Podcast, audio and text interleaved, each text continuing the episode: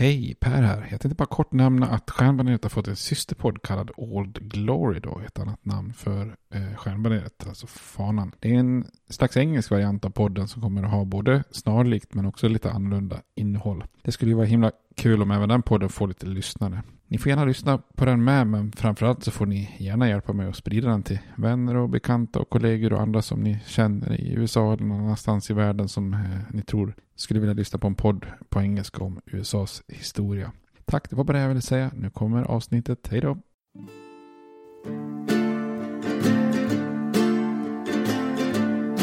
We hold these truths to be self-evident, that all men are created equal, that they are endowed by their Creator with certain unalienable rights, that among these are life, liberty, and the pursuit of happiness.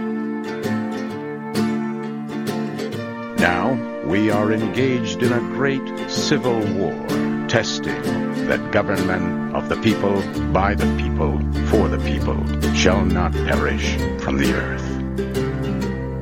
And so, my fellow Americans, ask not what your country can do for you, ask what you can do for your country. I have a dream. My four little children will one day live in a nation where they will not be judged by the color of their skin, but by the content of their character. Mr. Gorbachev, tear down this wall. I did not have sexual relations with that woman, Miss Lewinsky. Då säger vi hej och välkomna igen till Stjärnbaneret. Historiepodden om USAs historia. Med mig Per och med dig Robert. Ja, jag är med idag igen. Hur är läget? Det är mycket bra. Själv då? Fint. Är du laddad? Nu ska vi knyta ihop säcken. Japp, vi är sista avsnittet om inbördeskriget. här. Ja, ja. det som vi trodde skulle bli fem. Ett för varje år. Ja, precis. Det Men blev du- då 14. Ja. Nästan tre gånger så många. Ja, det är lite, lite inflation där. Mm.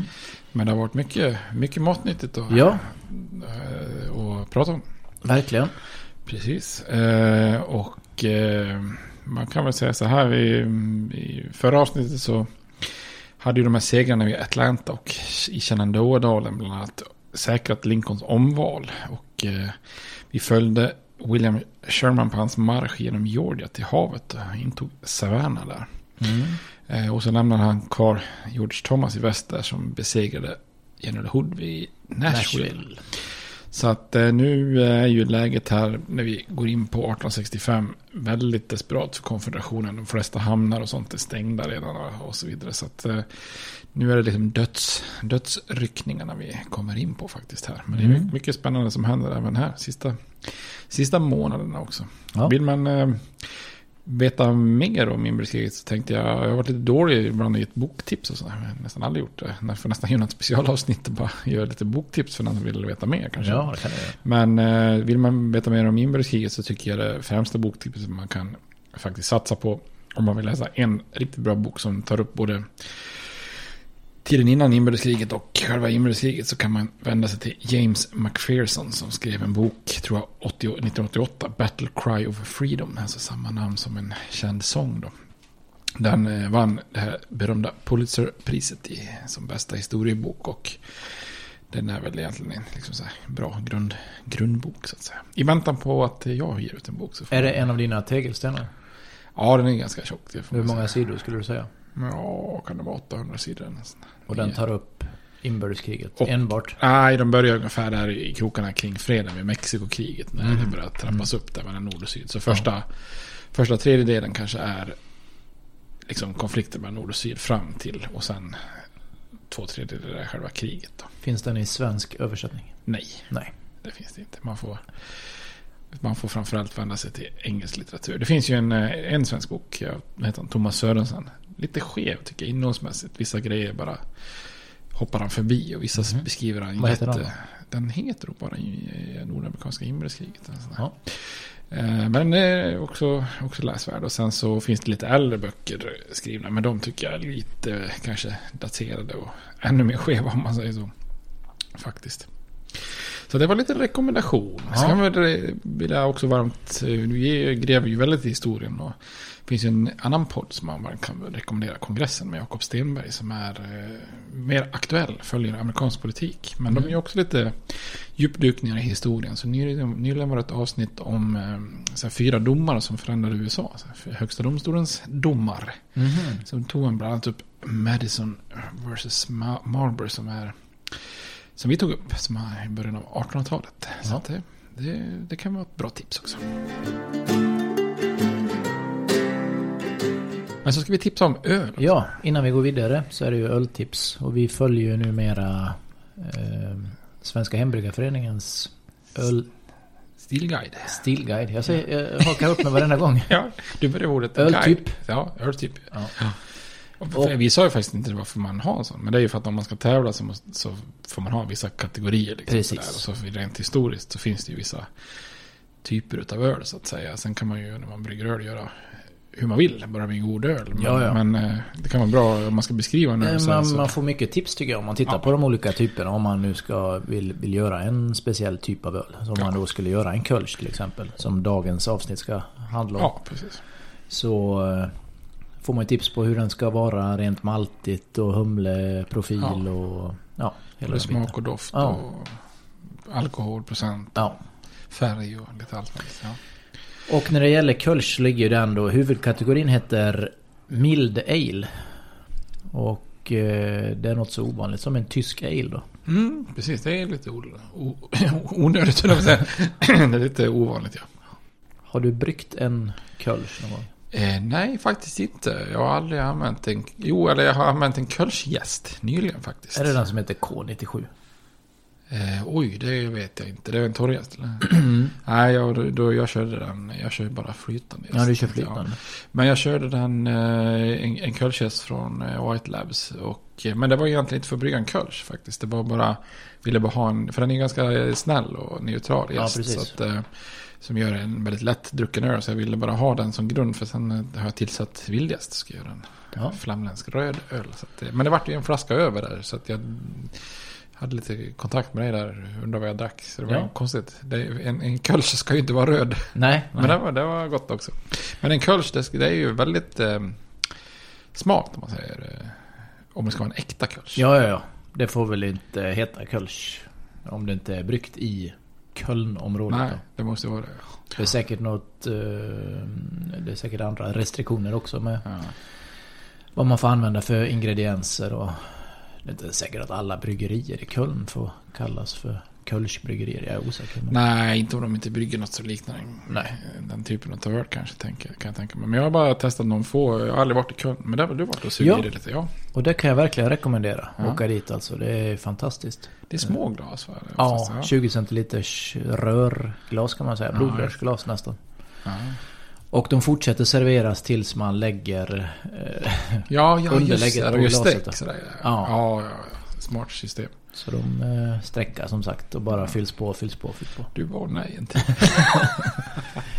ja, men det är bra. Det är ju en lättdrucken ale, kan man säga. Lättdrucken, väldigt, Just väldigt. Ibland har jag sett att den eh, liksom går in eh, sådär när man pratar om hybridöl. Alltså att om du använder en lagerjäst som ska ge sig svart fast du gör det lite varmare. Eller tvärtom då. Att du har en aljäst som normalt ger sig varmt men du gör det lite kallare. Och kölschjäster funkar väl i ganska svara temperaturer. Och, och traditionen är väl att man ska lagra den ganska kallt. Så därför blir den ju liksom lite så här. Ja men den blir ju väldigt snäll och ren i smaken. Så här. Ja. Så drar ju lite åt lagerhållet. Ja, det får man säga. Helt klart. Det är nog många som har trott att man dricker en vanlig ljuslager. Ja, fast man har säkert. druckit en ljus ale då. Ja. Så skillnaden emellan är ju inte jättestor. Men det är ju en bra sommaröl kan man säga. Ja, verkligen. Och får man chansen tycker jag man ska åka till Köln och testa det. Ja. Och det är ju, vad heter det? Eh, Det är många mikrobryggerier som gör kölsch nu. Mm. Försöker efterlikna så att säga. Mm. Det är en trevlig öl. Mm. För att då får den inte heta egentligen kölsch. Nej, den heter Får den väl... heta kölsch style. Ja, liksom. precis. Ja. Det är väl något sånt. Ja, men det Vi vad- nämnde ju förra avsnittet tog vi ju Fry Mm. och eh, Gaffel. Ja, just det. Eh, och vi besökte ett väldigt litet eh, ställe, kan man väl säga, ett mikrobryggeri i Köln där då, som bara har en biergarten och bryggeri och restaurang i ett. Och det är Ja, bara okej. där man kan dricka det då, som heter Pefken. Päfken, okej. Mm. Mycket bra. Både mat och kölsch och Härligt. öl, trädgård. Ja, gött. Så det kan jag rekommendera. Päfken. Ja, Päfken i Köln. Och du rekommenderar både semester och öl kan man Mm. säga. Ja, bra, bra kombo. Så eh, det får väl räcka med ölrekommendation då. Mm. Jag är inte säkert att ni har fått tag på någon kölsch till det här avsnittet när ni lyssnar. Men Har det i minne. ja, Så vara. köp när ni ser. Ja, Bra.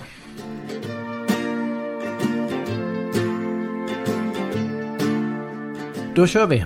Då får du knyta ihop säcken Per med... Eh, jag tänker att du säkert börjar med det militära. Hur går det för de olika personerna här? Vem vill du börja med? Ja, jag tänkte, ehm, jag tänkte väl egentligen att vi kunde komma in lite grann på det här med, med fredsförhandlingar eh, direkt. För man kan ju nästan tänka Har de sig... gett upp? Nej, nej, men man kan tänka sig, är det inte läge för fredsförhandlingar? Ja, så är. Mm. Typ eh, för konfederationen. Man kan fundera sig, hur, hur tänker Jefferson Davis här nu då? Liksom så. Men han är ju envis utav bara eh, attans då så att säga. Och det, det, liksom, det går inte att inleda några förhandlingar här fastän det nästan känns avgjort. För att alla förhandlingar som inte har konfederationen som självständighet, alltså som i grunden, det är inte acceptabelt för Jefferson Davis. Då. Och för Lincoln är det tvärtom då, att, att inleda förhandlingar med självständighet öppet för konfederationen, det är inte tänkbart från Lincoln då. Så att eh, det här gör ju att det är svårt att få till det här, men eh, Lincoln övertalas ändå att eh, möta en fredsdelegation då.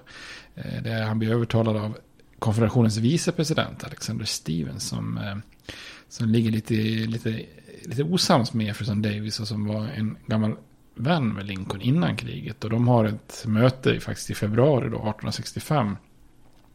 Som där bland annat då vicepresidenten i konfederationen Alexander Stevens och Lincoln och eh, Lincolns utrikesminister William Seward. De möts eh, på en båt. de möts på en båt ja, eh, som heter River Queen. Ehm, Men de här fredsförhandlingarna leder ju ingen vart då, så att kriget går ju då vidare. Och då är ju frågan vad ska Sherman hitta på härnäst nu? Nu har vi följt honom när han marscherade hela Georgia där. Ner till eh, Savannah då. Och då uppstår ju en ny valsituation. Grants första tanke är att Sherman då ska lämna en liten styrka i Savannah. Sen skeppa armén på fartyg norrut då för att ansluta sig till Richmond Pittsburgh. Eh, men Sherman påpekar att det kommer att ta ganska många månader innan man fått fram transportbåtar för 60 000 man. Så han föreslår istället att man ska marschera sina män norrut genom båda Carolina-staterna, då, South och North Carolina, och ansluta sig till Grant från söder.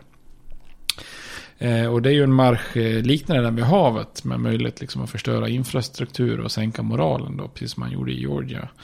Eh, så Grant ger tummen upp för det här då. Och man kan väl säga så här, Shermans män Eh, ser ju väldigt mycket fram emot den här marschen då. För eh, man, kan läsa liksom i dagbokböcker och sådär så skriver soldaterna att det här ser man verkligen fram emot. För nu, nu får man ju slå till mot just South Carolina som, hade, som var sån, hade en sån central och radikal eh, roll då som slavförespråkare eh, innan kriget då. Och som många ansåg bar, bar ansvaret för kriget genom att vara först ut och lämna eh, unionen då i redan i december 1860 då.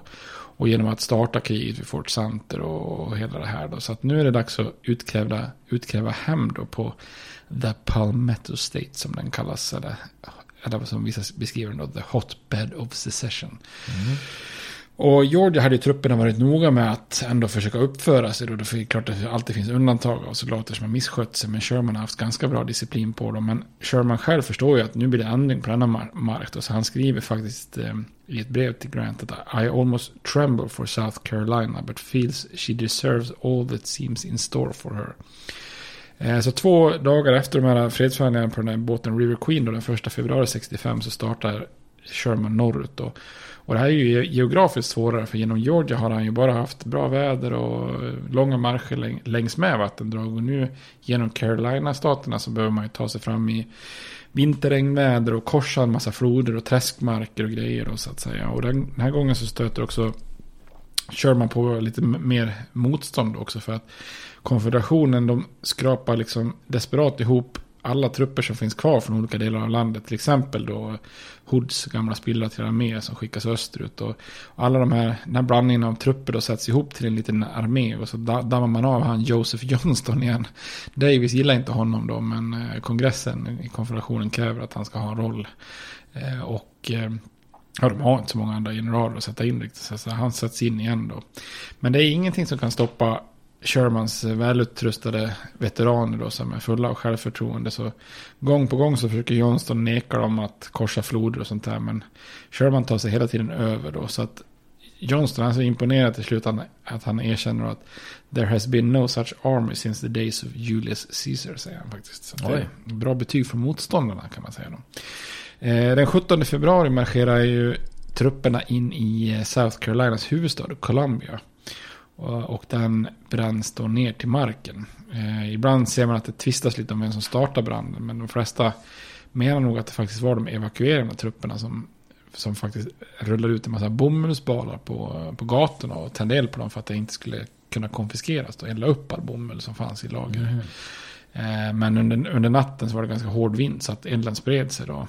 Eh, och det var ju ganska många soldater faktiskt, av Shermans soldater som försökte bekämpa elden. Då. Men en tredjedel av, av staden brinner upp då. Och eh, oavsett hur elden spred sig och oavsett om soldaterna motarbetade eller, eller, eller tände på så att säga. Så, så var det väl många som kände att eh, South Carolina ändå förtjänar detta på något vis då.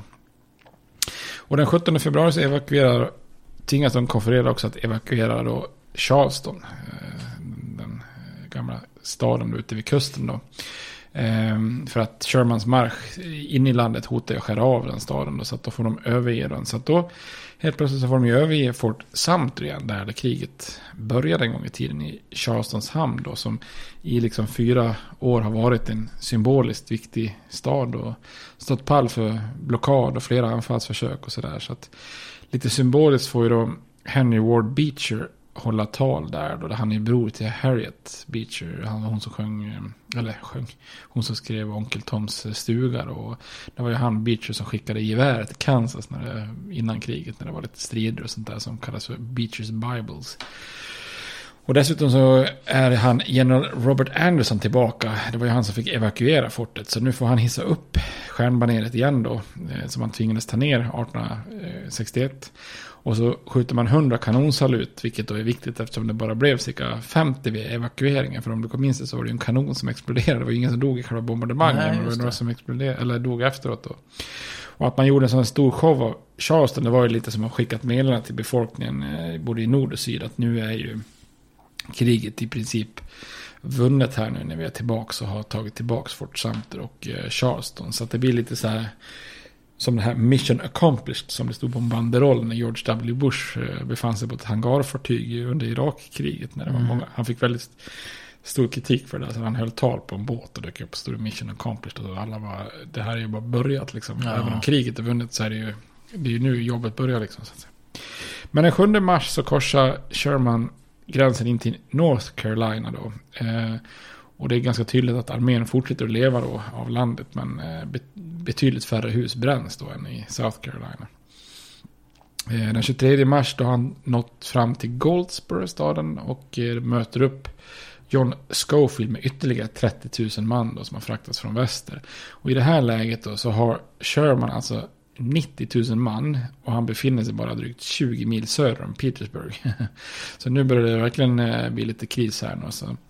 Och de här två kampanjerna som Sherman gör här genom lägre söderns eh, liksom, hjärtland. Och först marschen genom Georgia till havet och sen marschen norrut genom Carolina-staterna. Det är ju ett väldigt hårt slag både, både mot konfederationens alltså fortsätta förmåga att driva kriget då med, genom att han har förstört så mycket infrastruktur och sånt där. Men också mycket moral och prestige då. För att här har liksom Shermans armé utan några egentligen större problem. Oavsett vilka hinder han än ställs mot bara kunna marschera flera hundra mil rätt igenom fiendeland här. Eh, och hans trupper har förstört enormt, enorma mängder av, alltså, av saker som kan stött Söderns armé. Då, eh, alltså förråd och förnödenheter, industrier och järnvägar.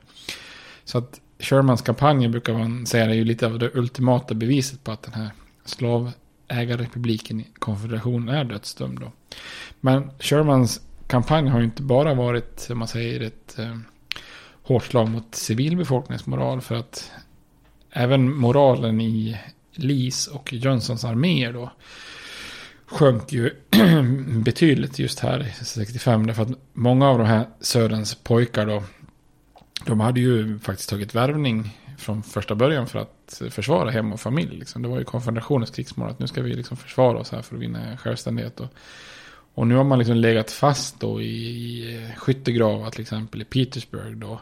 Eh, Medan Shermans armé håller på och förstör på, hem, på deras hemmaplan. Då. Så att under de här vintermånaderna 64-65 så ökar ju deserteringarna dramatiskt i Lees armé. Då. Eh, så Sherman, Shermans armé har väl gjort mer än någon annan framgångsfaktor för att kriget ska avgöras här i, i slutkanten. Och det här är ju också sådana saker som är så lätt att man förbiser. För tittar man övergripande så kan man ju verkligen se att det är just den här armén. Alltså Grants gamla ursprungliga armé som i väster som, som liksom är unionens vinstvapen. För om man backar tillbaka nu då så fronten i Virginia, den har ju liksom inte rört sig över så himla stor yta. Det är liksom fram och tillbaka, slag på slag. Ingen vinner liksom och får några övergrepp liksom, eller kopplar grepp. Eller. Medan då armén här i väster har gjort en enorm sväng över hela kontinenten. Då. För under Grants ledning så, så med startpunkt i Cairo, en stad i Illinois, då, södra Illinois, så har man först tagit sig till Tennessee, slagit ut de här, vunnit segrar vid Fort, Fort Henry, Fort Donelson, Shiloh pratar vi om då, 62. Eh, därefter så har de säkrat Mississippi-regionen, eh, erövrat Vicksburg och säkrat Mississippi-floden. Sen har de tagit sig lite mer österut då mot och befriat Chattanooga. Och sen från Chattanooga så har man svängt söderut till Atlanta. Och från Atlanta sen ut till havet till Savannah.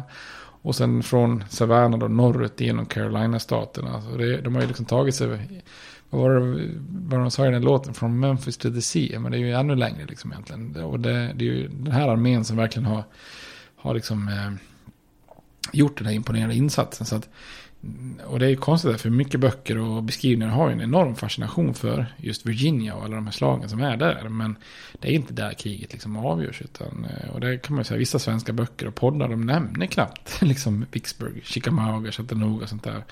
Eller också nämner man det väldigt eh, kort då, så att säga. Men det är väldigt fokus på öster. Eh, men Lee är ju den som håller ut här fortfarande vid Petersburg och, och Richmond. Men i övrigt så är ju större delen av söder nästan kuvad nu då så att säga.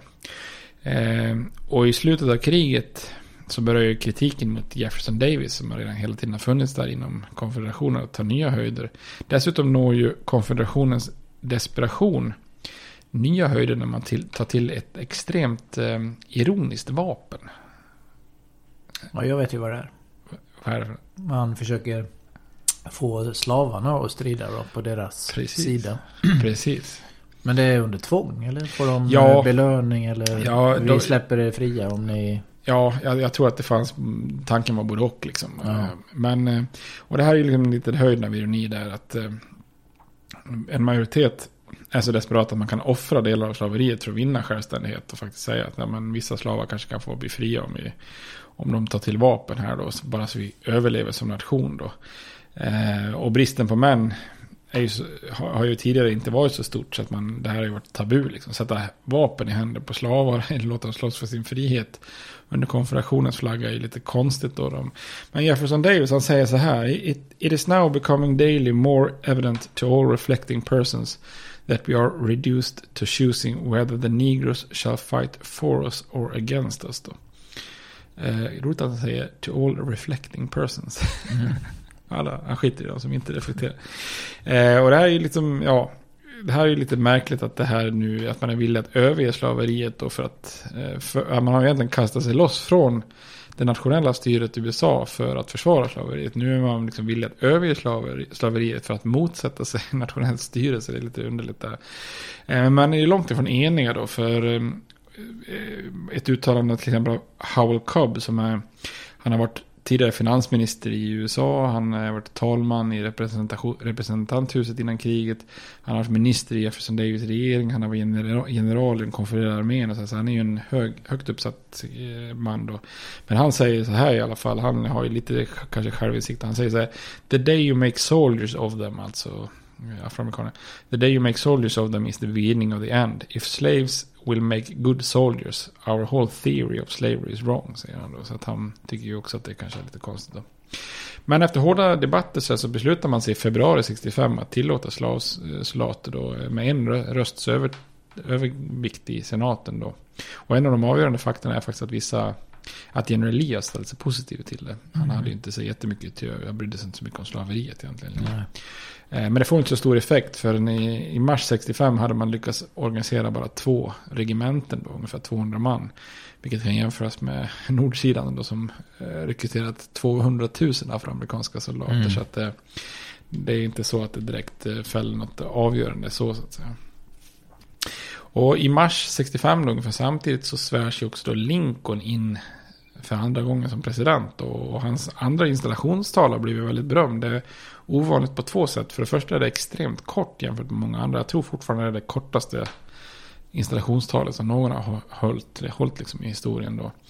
Eh, men det är också lite ovanligt för det är väldigt religiöst liksom, i språket. Eh, vilket kan te sig lite underligt för Lincoln var inte direkt känd för att vara en speciellt religiös person. Men många har funderat på om inte kanske krigets påfrestning gjorde att han nästan blev mer religiös under kriget och började fundera på de här frågorna då så att säga. Men han, han uppmanar ju till att fortsätta kampen tills kriget är slut men att sen också försonas med sina landsmän då. Eh, så en del av talet lyder så här. With malice towards none, with charity for all, with firmness in the right, as God give us to see the right. Let us strive on to finish the work we are in, to bind up the nation's wounds, to care for him who shall have borne the battle, and for his widows and his orphan, to do all which may achieve and cherish a just and lasting peace among ourselves and with all nations. Så det här tar ju många som att han är beredd att gå ganska långt för att eh, liksom binda ihop såren och, och läka landet då så att säga.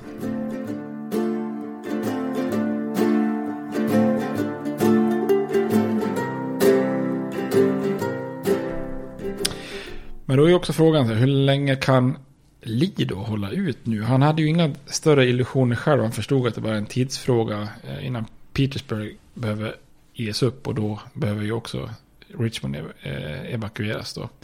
Den här halvbelägringen håller på att käka upp honom då. Och Sherman är på väg norrut. Dessutom ökar deserteringarna då. För det är få, få män som vill offra livet i en hopplös sak. Då, då flyr man hellre hem till familjen. Och så ser du de har klarat sig från Shermans trupper då. Så Lee ser som enda möjlighet att föra kriget vidare det är att smita ur Grants grepp eh, Richmond och sen försöka ta sig söderut för att förena sig med Joseph Johnsons armé i North Carolina. För att liksom öka storleken på armén. Och sen att de tillsammans då försöker att besegra först Sherman och sen Grant då. Så det är hyfsat, hyfsat långsökt mm. Eh, att, att han ska lyckas med detta. Då, rätt höga odds då. Men det här är ju liksom det sista kortet som Lee kan eh, spela ut. Då. Så i början av mars informerar han presidenten att eh, Richmonds dagar börjar lida mot sitt slut. Då. Ehm, så han gör så här att han anfaller den 25 mars då i Petersburg. Eh, vid Fort Stedman för att köpa sig lite tid då. Och smita ur Grants grepp. Men nu har ju hans armé helt tappat liksom Eh, tappat stinget. Så att eh, det misslyckas ganska rejält. Då. Och då går Grant till motoffensiv längs en av eh, flankerna där mot en av de sista järnvägarna. Och då lyckas hans eh, armé då inta en vägkorsning som kallas för Five Forks den första april. Eh, fastän Lee har sagt åt George Pickett, han som ledde den här attacken eh, under tredje dagen med Gettysburg, att du måste hålla den här mot alla odds, men han klarar inte det då. Och när Grant får nyheten om att den här Five Forks har eh, har erövrats, då beordrar han helt enkelt på kvällen att hans artilleri ska öppna eld då hela natten. Då. Och på morgonen så ska man då anfalla längs, eh, längs hela fronten. Alltså alla ska, ska framåt. Jag, jag tänker liksom på, vad heter han? Nej, fasen, det kommer jag inte Jo, Gary Oldman. Vad heter han i Leon? Eh, ja, när han säger give, bara, me, give everyone. me everyone. What do you mean everyone? Everyone! jag ser framför mig att Grant säger, nu anfaller vi med alla. Vad menar du med alla? Everyone. Eh, och när anfallet startar på morgonen så bryter man ju igenom på flera ställen då. En av de som stupar är en av Lees främsta generaler, Ambrose Powell Hill, som har lett en armékår ganska många år här. Eh, som ersatte Stonewall Jackson då. Eh, så Lee försöker desperat samla sin armé i reträtt då innan den helt kollapsar. Så han får skicka ett eh, meddelande till president Davis att Richmond kommer att falla på kvällen. Jefferson Davis han är på gudstjänst i en kyrka så han bara får meddelandet att resa sig upp och går. Ehm, regeringen då packar det sista, mm, och tar ett av de sista tågen från Richmond och ska återuppta sitt arbete i staden Lynchburg som nu ska bli sin ny huvudstad så länge. Då. Ehm, och i Richmond blir det lite panik bland befolkningen så det blir massa förstörelse. En del planerat och men mycket oplanerat och massa affärer som plundras. Och en ganska stor del av staden brinner ner. Då, så alltså på kort för efter kriget så ser man liksom nästan bara ruiner och rester och lite så symboliskt för konfederationen i sista stunden där då. Och Lincoln han är lite rolig för den 4 april, mindre än ett dygn efter att Richmond föll så då dyker han upp i staden. Han har tagit, tar med sig sin son Ted som fyller 12 samma dag. Eh, och så har han tagit en båt ner och så tänker han, att det vore ju kul att besöka Richmond. Så han promenerar in i staden då. Eller, ja, det är ju några med han, men eh, till sin förfäran ser ju då Amiral Porter då att men herregud, du har ju inget som livvakt. Så han skickar med lite marintrupper som bildar en eh, grupp av livvakter. Då. Eh, och det är mycket befolkning kvar i stan då, som eh, i de få hus som fortfarande står, står kvar liksom har ju någon ganska lätt kunnat skjutit honom. Men, men han, eh, han liksom så, knallade in där och så hade, hade han blivit skjuten där hade det nästan varit mer logiskt än när han blir skjuten på teatern senare mm. då, som vi kommer till. Då, men det är väldigt mycket afroamerikaner som som flackas runt honom, och, eller flockas runt honom och kallar honom för befriare och sånt där. Och så finns det klassiska målningarna, naturligtvis den stora befriaren har kommit till staden. Så att säga. Och innan han lämnar stan så besöker han konfederationens motsvarighet till Vita huset då. Och sätter sig en stund i Jefferson Davis stol då, där han har suttit ett par dagar tidigare. Så mm -hmm. funderar på det. Här satt han liksom. Eh, men Lee då, han sätter fart västerut med sin armé och han behöver försöka skaka av sig Grant för att kunna undvika, eller för att kunna vika av söderut då mot eh, Johnstons armé. Eh, och hittills i kriget har ju ingen armé någonsin blivit helt besegrad, alltså att man fångas, och, alltså att man stängs in och kapituleras under en flykt då. Eh, arméer har ju fångats till exempel som när Grant fann Vicksburg, men det var ju efter en kap, alltså beläg, lång belägring då. Men att att, eh, men nu har jag Grant gett sig 17 på att han ska fånga Lee här under flykten och tvinga honom att kapitulera. Så han skickar då kavalleriet under Sheridan i förväg liksom för att hela tiden försöka stoppa Lees flyktväg medan armén då jagar efter då. Eh, och vid en plats kallad Sailors Creek så fångar Grant en hel armékår från Lees armé. Då, så en tredjedel av Lees män får kapitulera där då. Och samma dag skickar Grant ett meddelande till Lee under vit flagg som säger, han, han skriver så här. The result, the result of the last week uh, must convince you of the hopelessness of further resistance on the part of the army of Northern Virginia in this struggle. I feel that it is so and regard it as my duty to shift from myself the responsibility of any further effusion of blood by asking of you to surrender of that portion of the Confederate army known as Army of Northern Virginia. Så att henne vill han liksom lägga över ansvaret på Lee att inte ska bli med blodspillan då. Eh, men Lee har inte riktigt angett upp hoppet då så han försöker hinna först till en ort som heter Appomattox Courthouse. Och, men det här är en kamp som han förlorar mot Sheridans kavalleri då för att eh, några trupper under general George Armstrong Custer, han som sen Mm. Seglar, eller seglar, förlorar ganska rejält vid Little Big Horn där mot mm. indianerna. Eh, han är först på plats och bränner de förnödenheter som väntar på Lee där. Så nu blockerar då kavalleriet Lees eh, flyktväg sydväst då. Och på kvällen håller Lee ett krigsråd med sina generaler. Och de bestämmer sig för att göra ett desperat sista försök att bryta igenom Sheridans linjer och fortsätta flykten. Men när, när Lee på morgonen inser att Sheridan har förstärkts av en hel infanterikår så inser han liksom att det nu är det över, nu är han liksom schackmatt. Så då skickar han en kurir under vitt flagg eh, och säger till sina män, eller till sina närmsta där att there is nothing, nothing for me to do but to go and see and grant, säger han då. Så de möts i Wilmer McLeans hus i byn Appomattox Courthouse då. Och det här är lite ironiskt för den här McLean då, vars hus de är i, han Han bodde i, i Manassas. Eh, och det är ju där två av de stora slagen vid Bull Run utspelar Mm. sig. Så han blev så trött på att ha kriget vid sin farstu så därför flyttar han till Appomattox. Och nu får han ha då kapitulationsförhandlingarna i sitt kök. Så eller, han blir lite förföljd av kriget då. Men Grant han erbjuder generösa villkor då. Lees soldater ska få återvända hem då villkorligt frigivna då i väntan, i väntan på fångstutväxling.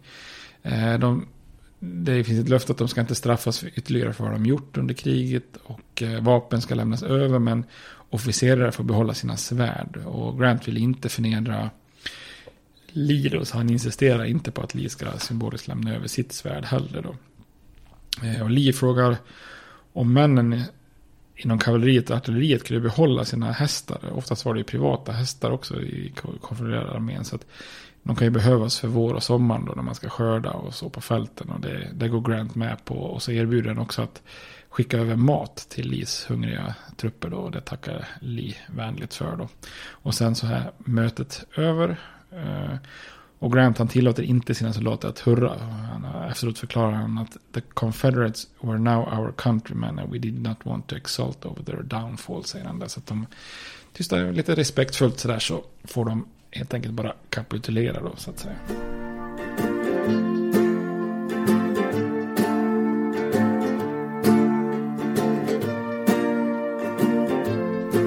Så nu är kriget i praktiken över då, eller? Ja, i, i, praktik, i praktiken är det ju det. I tre år har ju Lee fredat delar av Virginia då. Eh, Men nu har han kapitulerat och då är ju hoppet också ute för övriga arméer. Då. Är det inte Eh, bara en armé kvar egentligen? Det Nej, det finns då? lite mindre styrkor lite här och där då så att säga. Som, eh, men eh, att, att fortsätta kampen som en organiserad armé är ju liksom då eh, inte, inte värt då. Så när han Johnston som har en liten truppstyrka där som eh, nere vid Sherman där så när han hör talas om eh, Appomattox så, så kapitulerar han också då inför Sherman den 26 april då. Och sen börjar de få, få organiserade enheter som finns kvar och ge upp en efter en. Den femte den 5 maj kapitulerar Richard Taylor, eh, faktiskt son till han eh, Taylor som var känd under Mexikokriget. Eh, ehm, då kapitulerar han de sista konfererade trupperna öster om Mississippifloden och den 26 maj så kapitulerar Edmund Kirby Smith eh, som har styrt liksom de staterna som har skurits av från konfederationen där i väst. Texas och Arkansas, de här Louisiana delar av det. Då den 26 maj så, kom, så eh, kapitulera kapitulerar hon på han då. Eh, och även om det är någon skottlossning här och där så, så är det ju inga större strider sen då. Men den sista kapitulationen är faktiskt inte förrän den 6 november eh, 1865. Då är det ett av de här kapafartygen eh, som heter Shenandoah som eh, kommer in till Liverpools hamn där i november och eh, hör talas om att eh, kriget är slut. Det visste de inte innan dess. Så att de har hållit på fram till november. Då, så att säga. Men en som inte vill ge upp då det är ju president Jefferson Davis. Han fortsätter att fly.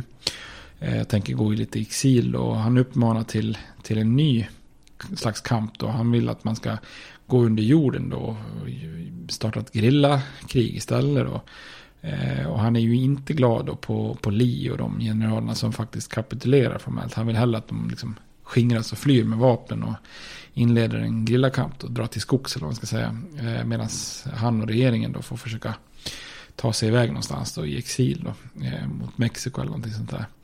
Men eh, vid den här tiden har ju nordstaterna flera liksom starka unionskavalleristyrkor med så här repetergevär och allt möjligt eh, ut som drar runt där i södern. Så att eh, de hinner ikapp honom. Så den 10 maj fångas han av, eh, av kavalleriet i Georgia faktiskt. Och det är ju väldigt tur för USA då att det inte blir något större grillakrig. För att även om de konf- kan- konfedererade armén nu har kapitulerat så kommer det ju liksom under de kommande 12 åren liksom att vara en ganska våldsam period i landets historia då, eh, som vi kommer att prata om sen.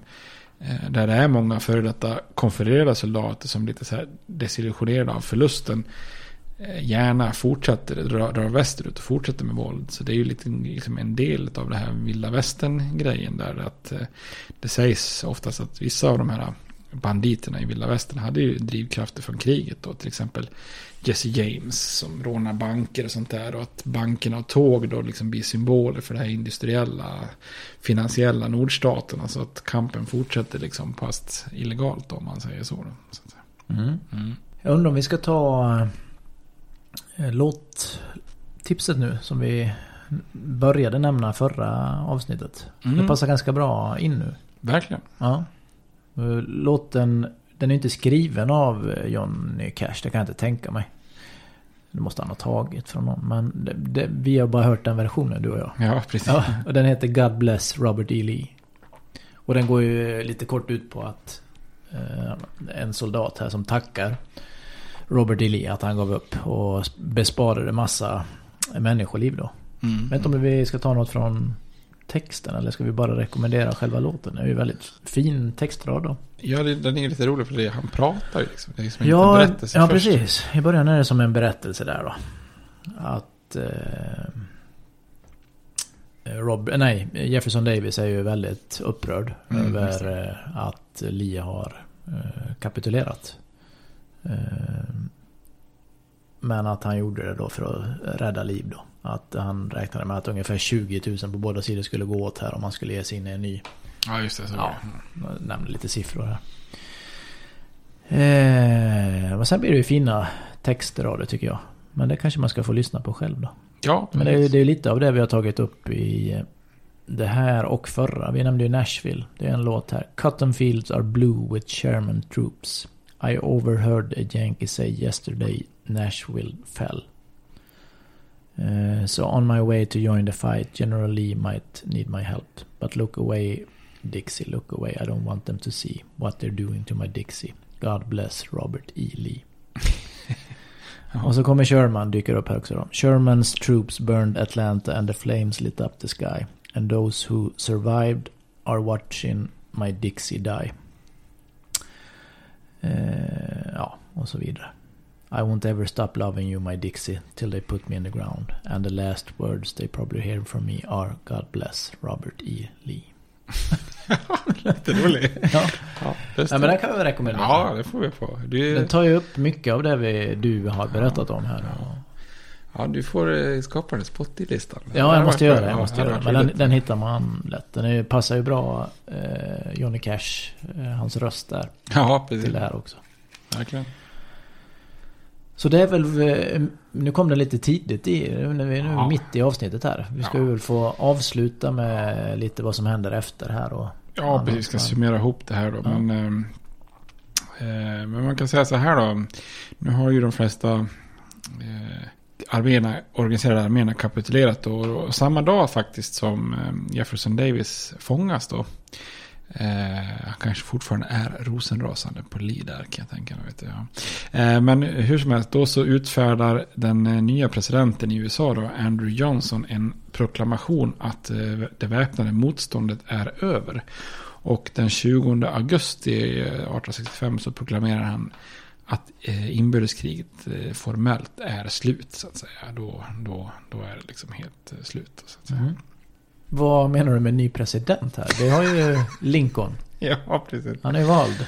Nej, he's been shot. Ja, det har blivit så tyvärr. He's been murdered. Ja, jag menar, nu har det ju då blivit en ny president och det, det här mordet på, på eh, Lincoln då, eh, man kan säga så här, dagen på kvällen där, samma dag som, eh, eller dagen efter kanske där, när lika, kap, ja, nu- Väldigt otydligt. Ja, det nu vart jag väldigt... På kvällen är Lee... Ja, Kapitulerar. Nej, men på... eh, Om det är samma kväll eller kvällen efter. Men strax efter att Lee har kapitulerat i alla fall. Så håller eh, Lincoln ett tal från ett fönster i Vita huset. Lite så spontant tror jag det är. Jag tror inte det är något planerat så. Men det är folk är på gatan, är glada och har hört talas om detta. Och vill gärna se presidenten och så. Så han går ut och håller ett spontant tal. Och, och en av de som lyssnar i publiken då är en eh, person som är rosenrasande arg då. Och han heter då John Wilkes Booth. Och han lär ha sagt till en kompis när de stod och lyssnade att that is the last speech he will ever give. Eh, och Booth han är ju då en ung, ganska stilig brukar han beskrivas som skådespelare från Maryland som kom från en familj där många var just skådespelare då. Och han är en rasist ut i fingerspetsarna som verkligen hatade afroamerikaner och abolitionister och så. Och han sympatiserar med konfederationen. Så han har agerat i ett eh, så här, hemligt nätverk av konfedererade agenter i Washington DC. Det är någonting jag inte har nämnt egentligen. Men det, har ju, det är ju väldigt mycket så här, spionhistorier och liksom den typen av nätverk och hemligheter och sådär. För att Eh, förse båda sidorna med information och eh, desinformation och sånt där också. Då. Eh, men tillsammans med några kumpaner så har Booth då under flera månader planerat en operation där de har tänkt sig att Lincoln ska kidnappas och föras söderut till Richmond. För att sen kunna vara en bricka i fredsförhandlingarna. Och det, än idag är det väl lite ifrågasatt ifall Davis regering formellt visste om det här eller inte. Eller hade godkänt den här planen så att säga. Men nu när Lee har kapitulerat så tycks den här planen då har ändrats. Och så bestämmer sig eh, det här gänget för att eh, ja, nu skiter vi i kidnappning. Nu, nu mördar vi istället då. Det går över till att bli mord då. Eh, och den 14 april så har ju då president Lincoln och hans fru Mary bestämt sig för att gå på teater på kvällen. Då. Det finns en, det är en pjäs som heter Our American Cousin. Som går på Ford-teatern. Ford-teatern kan man fortfarande besöka som museum i, eh, i Washington. Då. Och de bjuder med Grant och hans fru Julia faktiskt. Men eftersom det har varit lite friktion mellan Mary och Julia så försöker Grant snyggt tacka nej där. Då. Så att det är ett annat par som följer med istället då. Och den fullständiga planen är egentligen att Booth ska mörda Lincoln då på teatern. Eh, sen har han med sig två kumpaner då. Den ena ska mörda vicepresident Andrew Johnson. Eh, och den andra ska mörda utrikesminister William Seward. Liksom. Och därför, där, sen ska de fly via ett nätverk. Man ska liksom försöka, eh, ja vad ska man säga, slå ut de viktigaste personerna där då så att säga. Eh, så i en, en del av pjäsen när det blir lite mer tumult på scenen och mycket skratt och så är det ju Booth att slå till. Så han smyger in bakvägen till den här balkongen där Lincoln sitter och så skjuter han honom kallt i bakhuvudet. Då. Eh, och sen hoppar han från balkongen ner på scenen och så ropar han Six Semper Tyrannis. Eh, vilket då, ja det, jag tror det betyder ungefär så här, så går det alltid för tyranner. Det är ju då Virginias delstatsmotto. Och ska ju också vara det som Brutus sa till Caesar om jag har förstått rätt. Mm -hmm. Då när Caesar mördas. Och det är då Caesar svarar etu mi brute. Precis. Eh, och eh, nu fortsätter vi inte på latin. Nej. Men eh, det han gör då när han landar på scenen är att han bryter foten. Så han haltar lite iväg då, ut bakvägen. Och där finns en häst som väntar då. Och det är väldigt få som hinner uppfatta vad som hänt först. Några, några tror att det här är en del av liksom, pjäsen och så. Men sen så förstår ju någon att det är allvar när, när de börjar skrika liksom och sådär. Eh, för han lyckas knivhugga den andra mannen som är där i, i på balkongen. Och, så eh, och man inser ganska snabbt att Abe är svårt skadad och han förs bara till huset mitt emot gatan där. Och eh, klockan sju, strax efter sju på morgonen så, så dör han utan att han någonsin har vaknat ur medvetslöshet. Med, vad heter det? Medvetslösheten heter det. Mm. Eh, samtidigt har ju då också, det här är kanske lite mindre känt för man tänker mycket på mordet med Lincoln då, men samtidigt har ju då en av de här medkonspiratörerna, Louis Powell, han har ju tagit sig in i William Sewards bostadshus då. För utrikesministern ligger skadad i sin säng redan för att han har varit med om en vad ska man säga, trafikolycka, häst och vagn. Han har eh, pajat, eller pajat, krock, inte krockat, det är en olycka med häst och vagn i alla fall. Så han har skadats ganska illa, så han eh, liksom är sjuk och sängliggande. Och eh, Powell säger då att han har blivit skickad från doktorn med medicin då. Och det gör att han släpps in i huset då. Men när Powell kommer in till Sewards sovrum då så så slår han en av eh, Sewards eh, vuxna söner som är där inne medvetslös med pistolkolven istället. Då. Och så drar han fram en kniv och så börjar han hugga den här eh, hjälplösa sängliggande utrikesministern flera gånger i bröstet. Då. Men en av Sewards dottrar har sett det här så hon skriker ju då. Och då rusar en av hans andra vuxna söner plus en manlig armésköterska som är i huset. De hinner rusa dit då och, och stoppa honom då. Så att eh, han blir inte så, så illa skadad så att han dör. Utan han överlever faktiskt William Seward. Så att han fortsätter sen som utrikesminister. Är ju känd bland annat för att köpa Alaska sen mm. några år senare. Så. Bra köp. Ja, det får man säga. Eh, och den tredje kumpanen som heter George Atzerodd. Han hade ju uppdraget att döda vicepresidenten. Men han kickar ut och super sig full istället för bombar. Eh, och med tanke på hur dålig Andrew Johnson är så kanske någon skulle säga tyvärr honom då. Faktiskt då. Men det finns ju någonting som är jätteironiskt med mordet på Lincoln som man faktiskt sällan pratar om. Det är en sån här rolig fakta man kan nämna. Att tidigare samma dag då, innan han går på Fordteatern så skriver Lincoln under en lag som etablerar föregångaren till Secret Service. Eh, visserligen så ska ju den här nya myndigheten till en början jobba med pengaförfalskning. Eftersom de har börjat skapa den första nationella valutan under, under inbördeskriget så inser de också att det finns ju risk för förfalskning. Så de måste ju ha någon som utreder sånt. Då. Men eh, så småningom så blir ju det här eh, den myndigheten som jobbar med presidentens säkerhet. Så att det är lite ironiskt att han samma dag som han blir mördad så har han skrivit på lagen som skapar Secret Service. Då. Mhm. Men Booth och hans eh, medkonspiratörer jagas ju efter mordet och de hinner rätt så långt via olika nätverk i Maryland. Men till slut så hinner de ikapp honom och eftersom han vägrar, vägrar kapitulera så skjuts han till döds av en soldat. Då. Sen är det ju åtta kumpaner i den här mordkomplotten som ställs inför rätta. Några avrättas och andra fängslas. Eh, vilket är en kontrovers i, kontrovers i sig då ifall alla verkligen var skyldiga eller inte. Det finns någon film om det. Kommer inte ihåg nu spontant vad den heter. Men den handlar ju om vad heter den? Lincoln Murder Conspiracy. Ja, jag vet fasen. Det har inte jag sett. Ja men den är i alla fall lite så här. Då är det bara en kvinna där som eh, har ett boende där de bor. Och är hon involverad eller inte? Ska hon verkligen. Är det rätt att avrätta henne eller inte? Var hon verkligen uppsåtligen med det? det ja, jag har för mig att den var ganska bra faktiskt. Men Lincolns död skapar ju en våg av sorg och ilska genom nordstaterna. Alltså när kistan fraktas hem till Illinois i ett enda långt begravningståg så är det tusentals människor på ort efter ort som liksom stannar för att visa sin respekt. Och, och ironiskt nog så brukar man säga att mordet på Lincoln var antagligen det sämsta som kunde ha hänt södern också. Liksom för att eh, personen som verkligen pratat om försoning och en mjuk, ett mjukt återskapande av unionen är ju nu död. Då liksom. Och, och det lite mer hårda gardet tar vid liksom inställda på hämnd. då. Så att eh, där, där har vi ju liksom en, en, en sån faktor som inte kanske var kontraproduktivt. Så att säga. Mhm. Sen kan man ju nämna någonting om det här med slaveriets avskaffande så här i slutet. Och vi, vi pratar ju om att det här trettonde tillägget som avskaffar slaveriet konstitutionellt då röstades igenom kongressen i början av 65 då. Men det går ju inte i kraft förrän alla för en tre fjärdedelar av alla staterna har ratificerat. Då. Så att när kriget slutade är ju fortfarande inte det här implementerat. Och, eh, nu är det ju fred, så militära åtgärder som, som Lincolns proklamation och sånt där gäller ju inte det där. Och, så att slaveriet är ju fortfarande legalt i landet då. Eh, även om många slavar redan har fått sin frihet så är det fortfarande legalt på vissa platser. Då. Eh, och det finns ju många som har avsikten att försöka pröva det här rent rättsligt efter kriget och sådär. Så att eh, fortfarande under sommaren och hösten 1865 så dyker ju armén upp på olika plantager där armén, eller där slavarna jobbar på som om det vore 1850-talet och inbördeskriget aldrig ägt rum då. Ett sånt känt eh, datum är ju i, i Texas när unionsgeneralen Gordon Granger eh, går ut med information eh, den 19 juni att slaveriet har avskaffats.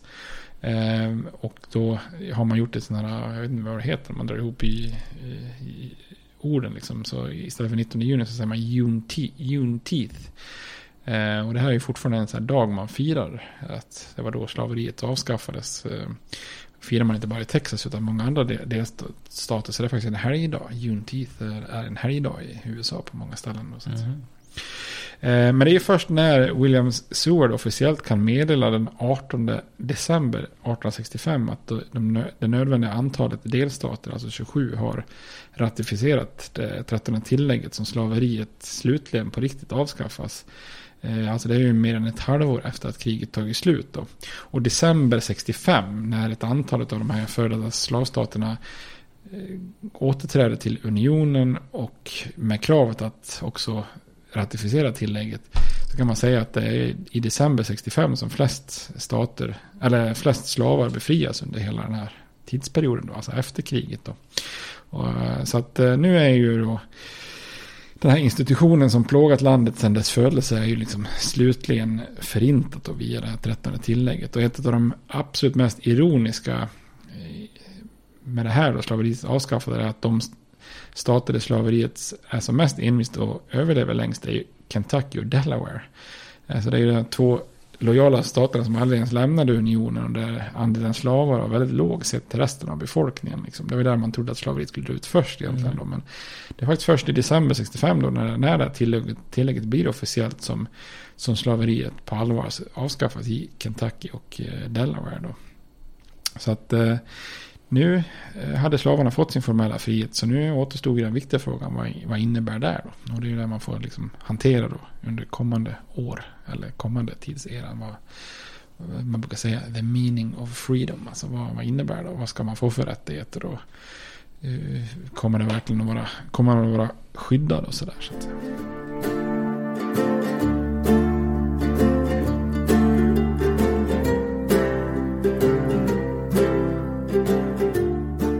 Då tycker jag att du får göra en liten summering här tror jag. Av kriget. Nu har vi kommit till slutet. Eller det är slut. Ja, så är det. Ja. Har du lite siffror att bjuda på kanske? Ja, jag tänkte jag skulle bjuda på det. Eh, för nu, nu har man ju liksom facit i hand här. Liksom. Och nordstaterna vann kriget. Det var, på något sätt kan man säga att det var de som aldrig gav upp. Trots många motgångar och uppoffringar. Och man kan väl säga att det fanns en starkare nationalism i norr egentligen. En liksom obeveklig tro på den amerikanska unionen och demokrati och flagga och ideal. Då.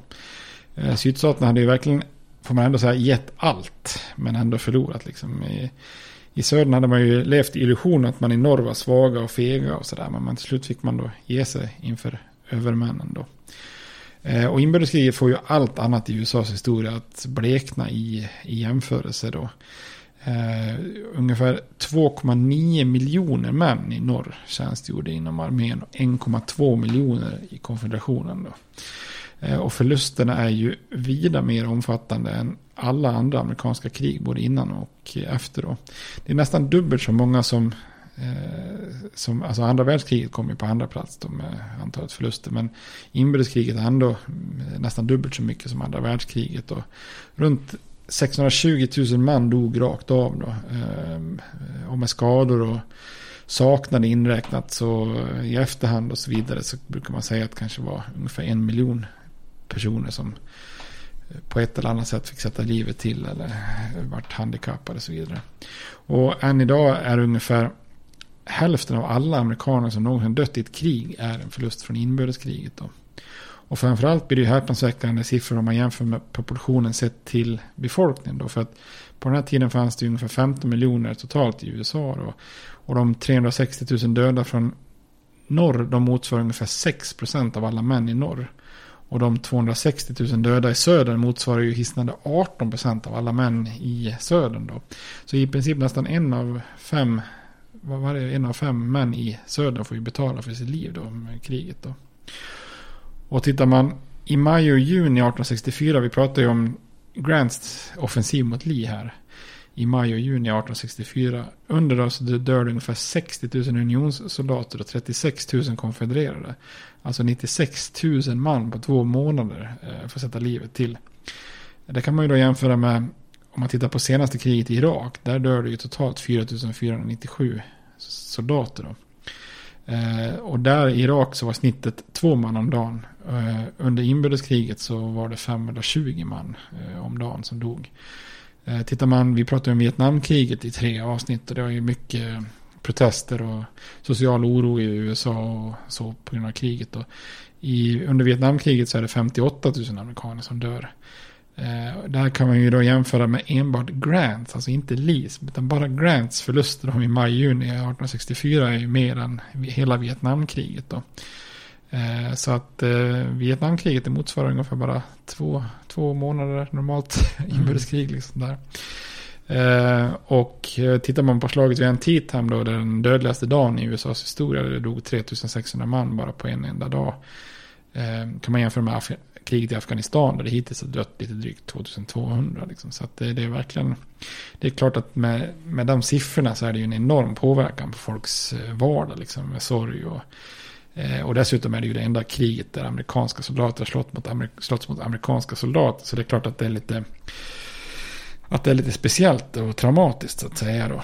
Och Tittar man på södern så är det en enorm förstörelse. Alltså stora delar av södern är helt förstörd. Och Richmond är i ruiner, liksom, som det är väldigt symboliskt. Och infrastrukturer, städer, byggnader, fält, broar, hus, boskap, skördar. Det är liksom en, ja, det är en landsända totalt i ruiner. Och det kommer att ta väldigt många år eh, innan södern återhämtade sig. Eh, bara i Georgia så år 1870, liksom då, fem, fem år efter freden så finns det i Georgia en miljon färre grisar, 200 000 färre nötkreatur, 300 miljoner mindre odlad acres odlad mark. Liksom. Så att det, är liksom, det tar ju sakta, sakta innan det återhämtar sig så att säga. Och tittar man på liksom så här amerikansk historia, om man, en grundkurs i amerikansk historia, så är det oftast uppdelat på två. Det är oftast tiden före inbördeskriget och tiden efter inbördeskriget.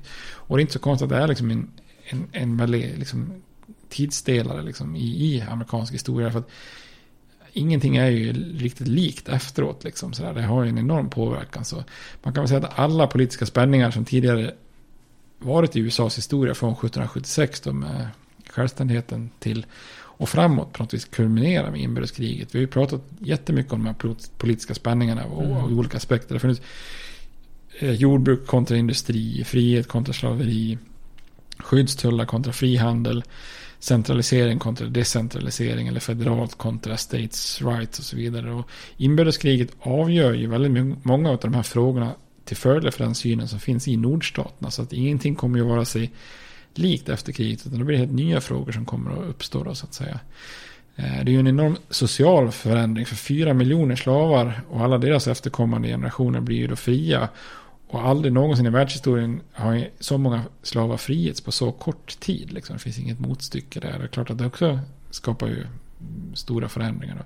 Sen har det varit en enorm expansion västerut också. För inbördeskriget tar ju bort mycket av de hindren som hade gjort att USA nu kommer att kunna utvecklas väldigt mycket snabbare som vi kommer att se. Då. Dels hade man ju antagit den här Homestead Act, alltså att eh, man i princip kunde få mark väldigt enkelt om man flyttade västerut. Och fritt liksom för alla att flytta. Man bygger de här kontinentala järnvägarna strax efter kriget så man snabbt kommer västerut. Och, eh, och sen är det framförallt då nu är ju inte den här slav, det var ju slavfrågan som hela tiden hindrar om man ska organisera nya territorier och stater.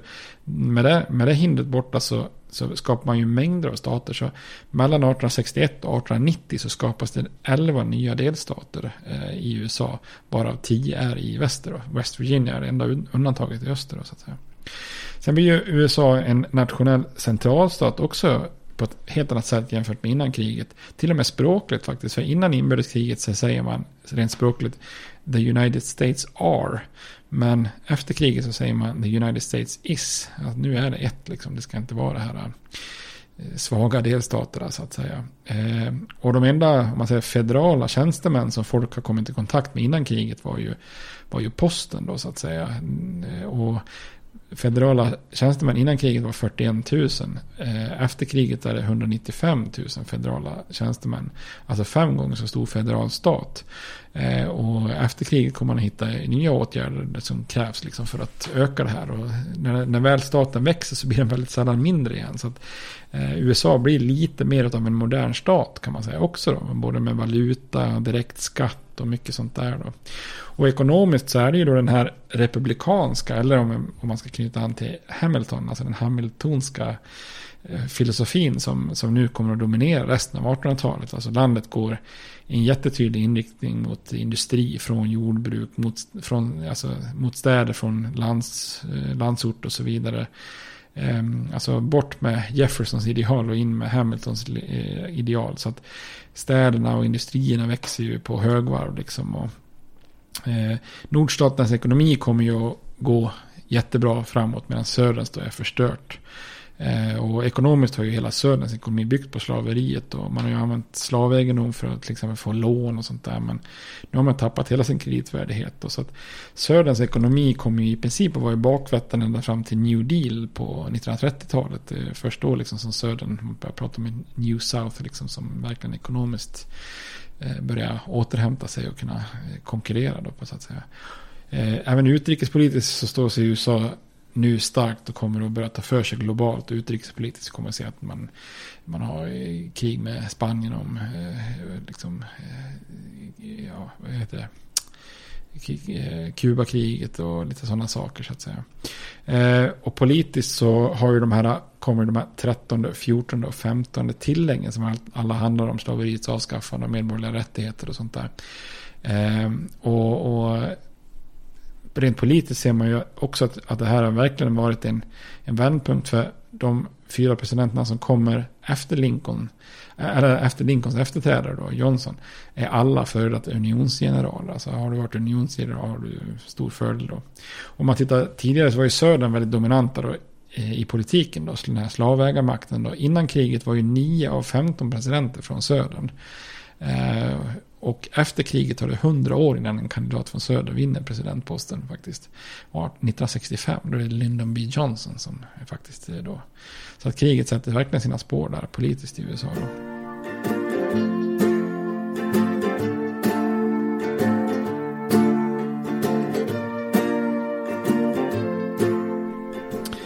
Och på något vis, ibland kan man ju undra så här, varför pratar man om inbördeskriget idag? Men på något vis är det också kontroversiellt än idag då. Eh, man blir påmind om inbördeskriget när man följer USA. Alltså, det är mycket kontroverser. I södern så flaggar man konfederationsflaggor på stadshus. Och man vill riva respektive bygga statyer. Och, ja, det är mycket så här, vad, vad ska man ens kalla konflikten? Liksom? Är det War between the states eller är det the War of Northern Aggression? Eller liksom, vad ska man kalla det här då? Eh, och det uppstod ju väldigt snabbt en mytbildning om kriget i södern som fått den här benämningen Lost Cause då, efter en eh, bok. Då. Och någonstans kan man, kan man ju förstå de här försöken till mytbildning. Alltså att man som en del i att liksom kanske söka tröst och läka sår och så där, lindra det hela. Så, att, så försöker man då eh, rättfärdiga sitt agerande. Eh, alltså mitt i nederlaget så vill man ändå försöka rädda ansiktet och, och så att säga rättfärdiga. Men man tar det ju liksom lite aningen för långt. Så då, då det liksom slår över då. Så att många i södern vägrar ju till slut faktiskt att ta något ansvar för kriget. Alltså man hävdar att man inte har gjort något fel. Liksom, kampen har inte varit ovärdig på något sätt. Och man har utkämpat den som en gentlemannamässig duell. Liksom, och då tycker man att det är fair deal. Liksom. Ehm, och när södern nu är slaget i spillror så blir ju en ganska stor del av den här Lost Cause-myten då att man romantiserar och hyllar den gamla ädla södern då så som har sett ut innan kriget. Det blir liksom beskrivet som ett drömsamhälle då. Eller ja, för den vita eliten, kanske inte för slavarna. Men eh, som ett drömsamhälle med glamour och riddarideal. Och Söderns ledare och soldater hyllas som en, liksom, eh, de har varit en hjältemodig David mot en ondskefull Goliat. Och man har sannoliken inte förlorat på den här bristande mod, utan för att det var en övermäktig fiende resursmässigt. Och Eh, Medan fakta visar att när man tittar, ingen, ingen sida är ju modigare än den andra. Samma förluster, samma liksom, ja. Och enligt myten så hade ju Söderns befälhavare och soldater varit ädla hedersman då, medan fienden varit huliganer. Liksom. Och tittar man på fakta så kriget utspelar sig i Södern. Och var det några som uppträtt liksom oädligt och kallblodigt så var det ju oftast Söderns egna irreguljära soldater, alltså grilla soldater och sånt där. Plus att när Söderns arméer de få gånger de gick in på nordstatsmarkerna så kidnappade de också fria svarta för att sätta dem i slaveriet. Så att det är ju inte någon varken mer eller mindre ädel kamp heller. Liksom, så att säga. Och en av de här grundbultarna i den här Lost Cause-myten det är ju att det inte fanns någon som helst koppling mellan slaveriet och kriget. Alltså sydstaterna har, har inte gått i krig för slaveriets skull utan man har bara fredligt lämnat unionen och önskar sköta sig själva. Då. Sen har man attackerats av aggressiva fanatiker i norr då. Och där tänker jag att vi har klargjort väldigt tydligt i många avsnitt att slaveriet spelar en jätteviktig roll ja. liksom, i, i att kriget faktiskt blir, blir av då så att säga. Eh, och även om slaveriet inte hade någonting med kriget att göra och man hade köpt det så passade man ändå på att försvara det som rättfärdigt och moraliskt, alltså fakta. Alltså, på något vis glider det här över. Man ser ju sen att eh, det finns ju en rasistisk eh, grundinställning. Därför att så fort kriget är slut så uppstår ju nya raslagar och Eh, Eh, ett samhälle som är totalt genomsyrat av vit makt. Liksom, eh, Ku Klux Klan och sådär. Så att, eh, även om slavarna blir fria så är får de ju inte sina rättigheter förrän liksom, med medborgarrättskampen hundra år senare. Liksom, så att, och en av de här sjukaste delarna av Lost Cause-myten är att många menar att kriget egentligen aldrig förlorades militärt. Eh, alltså att man, man hade aldrig förlorat en fair fight. Alltså nordstaterna vann enbart genom fusk. Liksom. Mm. Blockaden, att mönstra svarta soldater, att ha det här totala kriget, industriell produktion. Hade det bara varit fair, fair så hade vi aldrig förlorat det här kriget så att säga.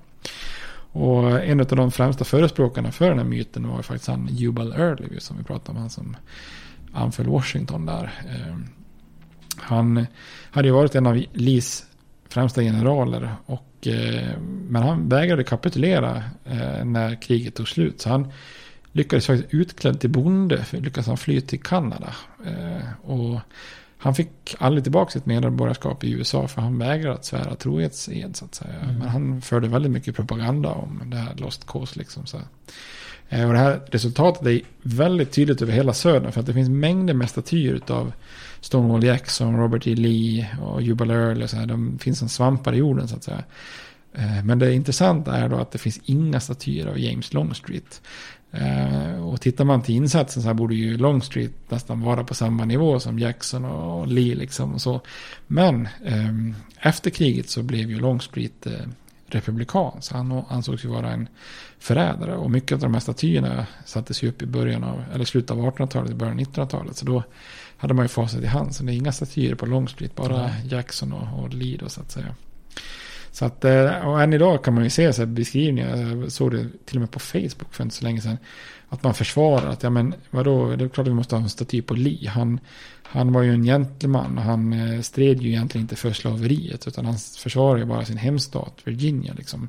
Eh, men det är ju också ett konstigt resonemang, för man kan ju inte komma ifrån att Lee valde att strida för en rebellnation och för en konstitution som försvarade och skyddade slaveriet och inte för den konstitutionen som han innan kriget hade svurit en ed att försvara. Vilket ju är själva grunddefinitionen i förräderi. Så det är svårt att liksom...